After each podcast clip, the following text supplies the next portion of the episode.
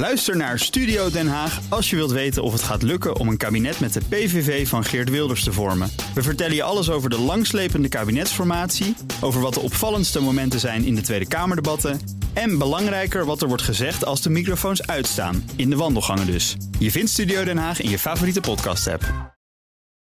BNR Mobility wordt mede mogelijk gemaakt door ALD Automotive, Together en Mobink.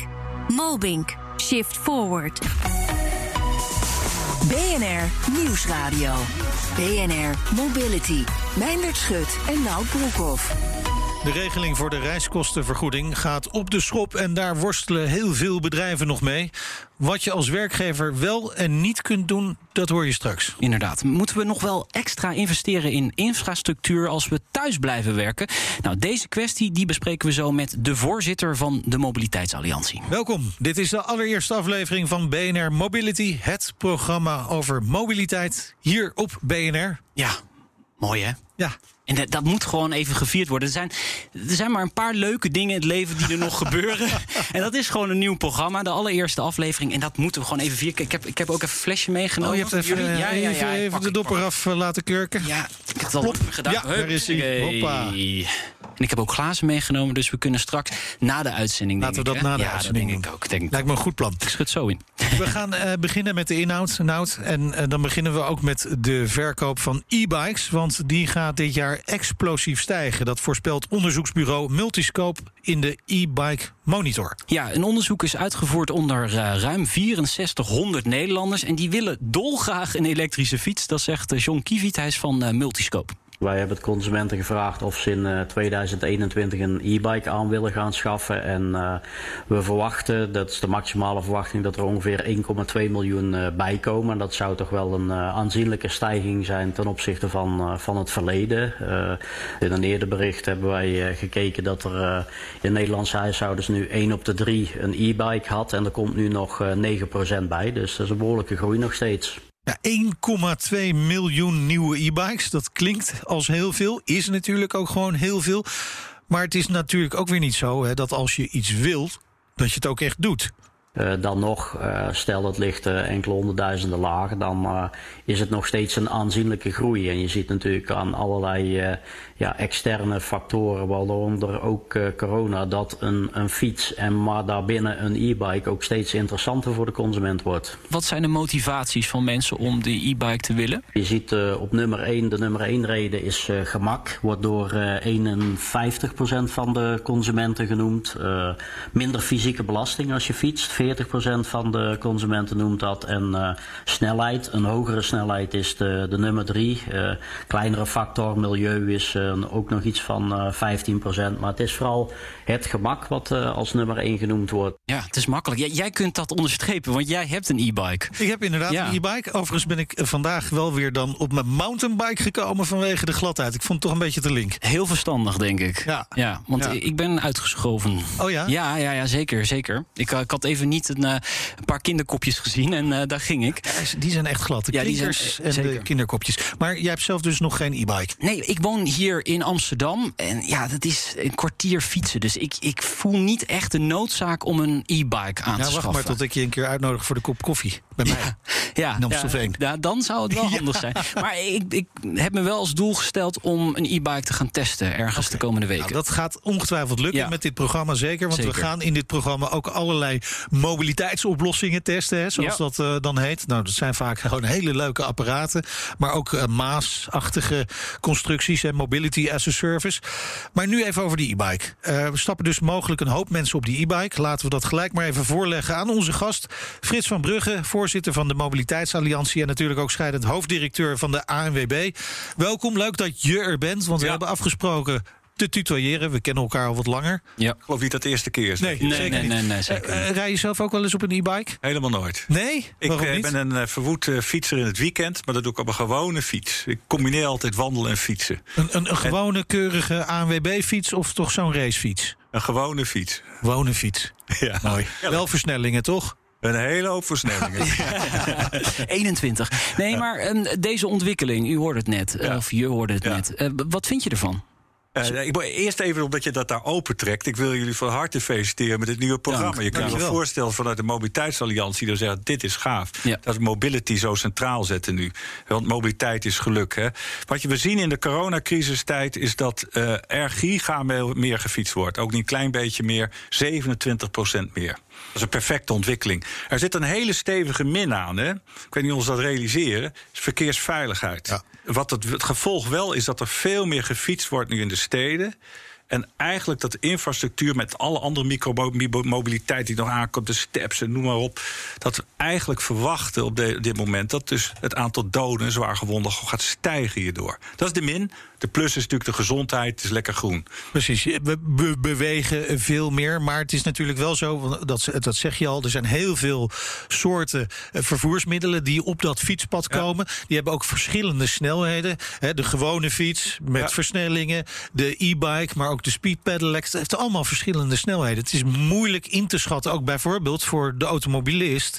wat je nou tegenover je hebt. Ja, dus als dat allemaal gezamenlijk. Sterker nog, een vrachtauto kun je er ook nog bij zetten. Dat zou elkaar in een stad eigenlijk allemaal niet moeten ontmoeten. Nee, dat is maar niet goed. wat moet er dan gebeuren? Als je dat, nu hebben we een hele fundamentele vraag. Want de steden zijn hier niet op ingericht. Maar daar hebben we wel echt over een hele vernieuwing van de infrastructuur van de stad. Dat betekent dat je stad, hè, dat je eigenlijk voertuigen in voertuigfamilies eh, families moet indelen. Gebaseerd op snelheid. En op basis daarvan ga je je stad opnieuw inrichten. Nou, als je nagaat dat de stad nu, oude stad is ingericht met een boot in te gaan. Of op een fiets of een paard, bij wijze van spreken. Hè, dan is dat echt een fundamenteel vraagstuk voor de stadsbestuurder. Maar dat, dat kost klauwen met geld. Een stad helemaal aanpassen eh, omdat we meer gaan fietsen? En we gaan meer wandelen en we gaan meer eh, op een step zitten. En, we gaan, eh, dus, en dat betekent minder eh, eh, automobiliteit waarschijnlijk in steden. Hè, je krijgt elektrische vormen van eh, vrachtvervoer. En dat betekent inderdaad, of we het nou leuk vinden of niet... als we tenminste belangrijk vinden dat de stad veilig is... Voor het, eh, dat we dus hem opnieuw moeten Maar, maar inrichten. En dat kost veel overdrijven, geld. overdrijven we dan niet over de kosten? Want als we hier naar buiten kijken, dan kunnen we toch makkelijk zeggen: van nou, we maken de weg voor de auto's wat smaller. Hè, minder, minder auto's. Eh, de, de trottoirs breder, de fietspaden breder. Misschien twee soorten fietspaden: één voor de spe- speed pedelecs en één voor de e-bikes. Aan mij dat we hebben het opgelost. Ja, maar dat is toch eh, helemaal niet zo nee, maar als je veel de- betekent kosten. inderdaad dat je verschillende straten voor verschillende typen vervoer kan gebruiken. Maar dat, dat, dat, dat, dat staat er niet zomaar. Maar die kant moet, zo moeten we gaan denken. Ja, maar een weg moet natuurlijk aan, een, aan, aan een soort van inrichting voldoen. Hè? Dat kan ik me zo, zo voorstellen. En wat Dus- ook belangrijk is, dat zeggen we ook als mobiliteitsalliantie, bouw hubs om de steden heen. Dus je gaat met auto's of met de trein ga je naar de stad toe, Mhm. of met je vracht, met vrachtverkeer. En dan verplaats je het naar eh, lichtere vorm van openbaar vervoer. Of we gaan fietsen of we gaan wandelen. En minder auto's die stad in. En eh, dat is de gedachte ook die heel sterk leeft. En betekent ook hier weer een behoorlijke investering in onze infrastructuur. Maar hoe zit dat dan met vrachtverkeer? Als we kijken naar een stad als Amsterdam, zou je dat dan ook meer met de boot moeten doen? Die grachten liggen er nou eenmaal.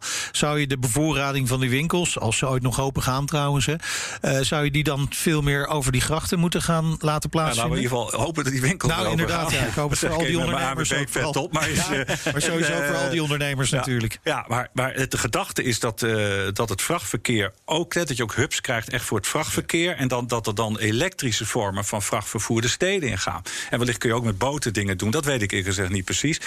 Maar ook hier is dus nieuwe manieren van denken. En dat vereist elke keer weer A, met een hele open mind hier naar kijken. Ons goed verplaatsen in die reiziger. En ons goed verplaatsen in dat pakketje. En, eh, en dan niet meer denken: het is een boot of het is een auto of het is een fiets. Maar over de breedte, die modaliteiten dus opnieuw inrichten. Ik, ik begrijp nu dat je heel blij bent dat dit programma er is, Frits. Want het is keihard nodig, eh, volgens mij. Ja, maar het, het spijt me wel. Eh, we zijn met 17 miljoen mensen mobiel. Hè? Ja, precies. Het brengt gewoon geluk. Je bent op je gelukkigste. Ik weet niet of je dat weet. Dat komt van Carlo de Weijer, dit getal. Als je 1 minuut, 1 uur en 7 minuten op reis bent, ben je op je gelukkigst. Oh. En je bent dus heel ongelukkig als je niet mobiel bent. En we hebben natuurlijk heel veel infrastructuur en investeren. Maar het is ook gewoon geluk. Dat je ergens heen kan. mooi. Het is gewoon geluk. Het is fijn dat ik straks nog een half uur naar huis mag fietsen. Want dan Ja. ben ik er ook gelijk. Nou, die moet nog even een ommetje extra Ja, doen, dit denk kan hij beter maar doen. Goed, eh, Frits, je bent hier vandaag de gast als voorzitter van de Mobiliteitsalliantie. Dat is een samenwerkingsverband van partijen in de mobiliteitssector.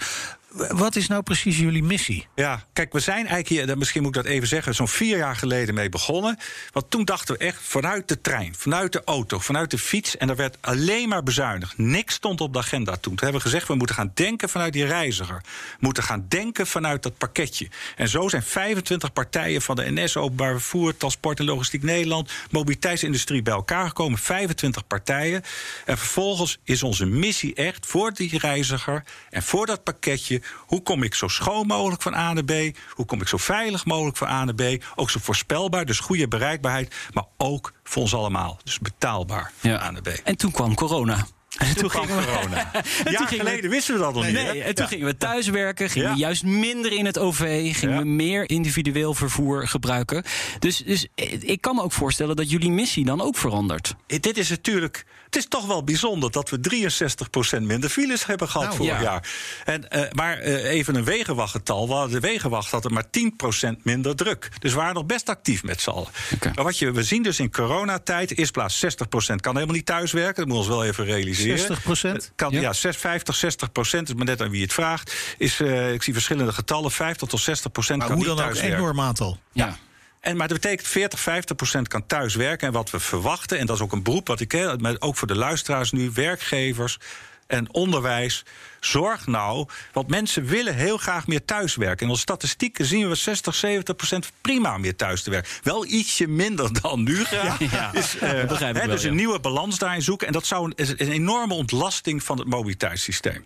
Want de beste manier om het groener te krijgen is door niet op pad te gaan natuurlijk. En eh, dus dat betekent dat we echt een beroep doen vanuit de mobiliteitsalliantie. Maar ik denk voor ons allemaal richting werkgevers, onderwijs. Laten we nu deze mooie trend die we nu zien, deze nieuwe manier van werken, laten we dat zo Ja. houden. Maar, maar wat verwachten jullie? want als straks het leven weer open gaat, Ja. we mogen weer, we mogen weer mobiel zijn, we Ja. mogen weer bewegingen maken. Ja.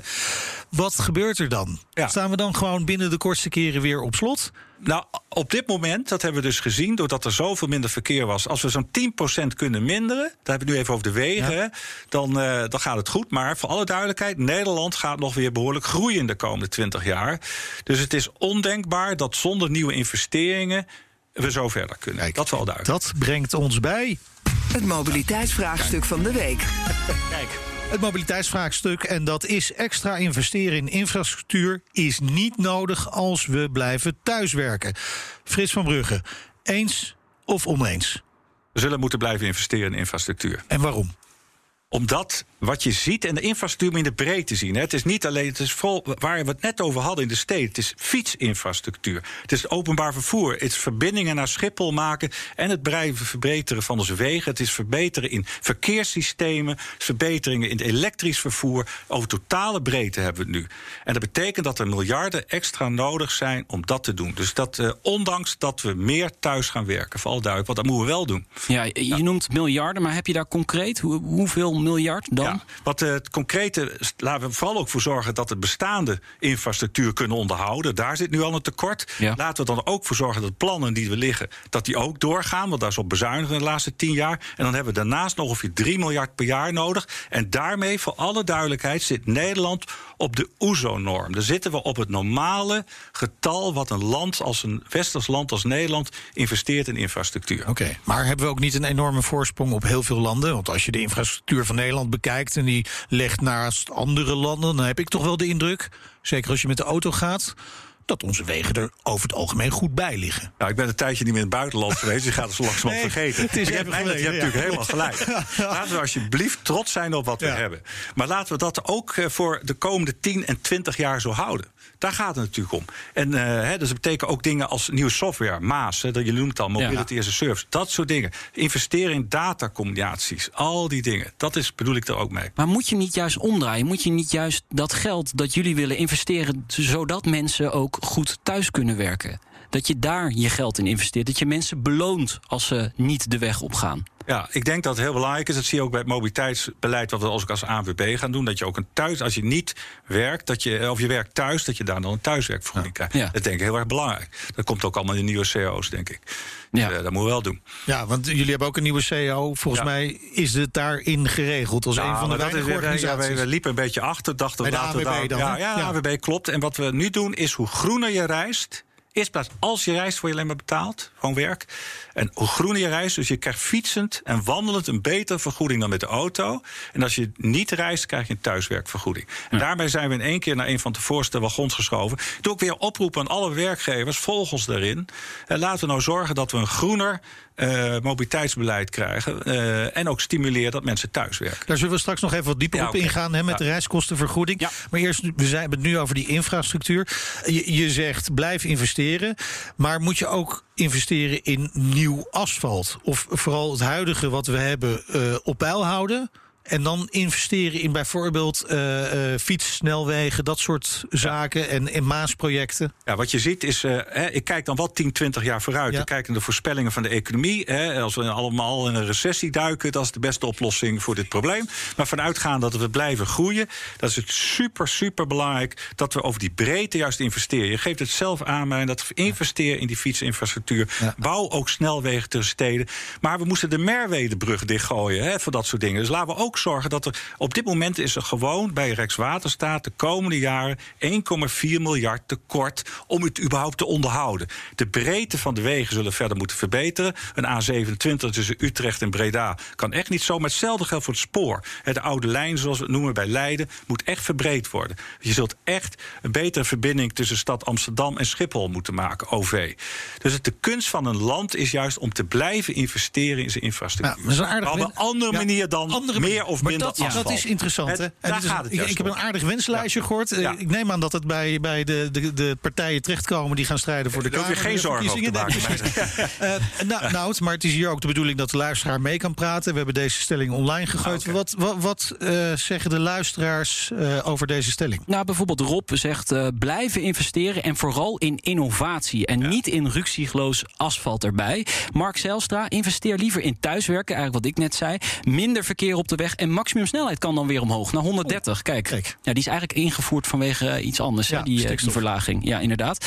Rijn Ad zegt, ik ben oneens met eh, deze stelling en hij wijst naar de drukte op de weg op dit moment. Ik hou mijn hart vast, zegt hij, als we weer naar ons werk gaan. En experts hebben we ook even gesproken. Rob Stompors heeft gereageerd, dat is van Veilig Verkeer Nederland. Hij zegt, een veilige infrastructuur vergt continue investeringen. En Bert van Wee zegt, ja, vanwege thuiswerken twijfel ik erover. Eh, hij is hoogleraar en hij zegt, investeren om drukte te verminderen, ja, die zijn gewoon niet meer rendabel. Ik zou daarom alle plannen heroverwegen, eh, voor zover ze niet al aanbesteed zijn of je ze nog kunt terugdraaien. Oké. Duidelijk. En We hebben nog een ander eh, belangrijk aspect. En dat is de betaalbaarheid van mobiliteit. Hè? Eh, jullie, Mobiliteitsalliantie, ANWB, pleiten voor betalen naar gebruik. Waarom is dat? Dus heel lang is dat eigenlijk een, een, een boewoord geweest. Het mocht niet gezegd worden. Iedereen die dat noemde, die kreeg eh, chocoladeletters in de telegraaf eh, voor zijn kiezen. Waarom is dat nu noodzakelijk? Ja, we praten er pas sinds 1985 Ja. over. Hè? Ja, ja, ja, ja, ja. Dus, Ja. Maar laten we eerlijk zijn. Als je kijkt naar het huidige autobelastingssysteem... je zou kunnen overwegen dat het vernieuwd moet worden. Hè? Een idee. Elektrisch rijden. Hoeveel accijns zit het erop?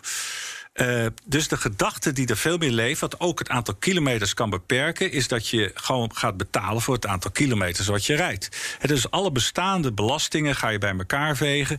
Dat is maar liefst een kleine 20 miljard in dit land. Hè, waarvan zo'n We Ja? hebben nu gewoon eigenlijk het Netflix-model. We betalen wegenbelasting en daarvoor mogen we zoveel rijden als we maar willen. ja, Plus een beetje accijns op de brandstof. die zit er dan nog bij. Ja. Beetje, beetje veel. Ja, Ja. ja. En, eh, en dus de gedachte hierachter is, en dat zal een aantal jaren vergen om zoiets te doen. Overigens zegt 80% van Nederland, ongeveer 70, 80% van de Nederlanders zeggen prima dat betalen naar gebruik. Wat ze er overigens wel bij zeggen, wat mensen heel oneerlijk vinden, is als er een spitsheffing komt. Nou ja. Ja. Dus gewoon vinden we helemaal generieke, niks. Ja, generieke- oh man. Is, wat wel prima is, wat wel heel veel mensen zeggen... oké, naar uitstoot snappen we wel.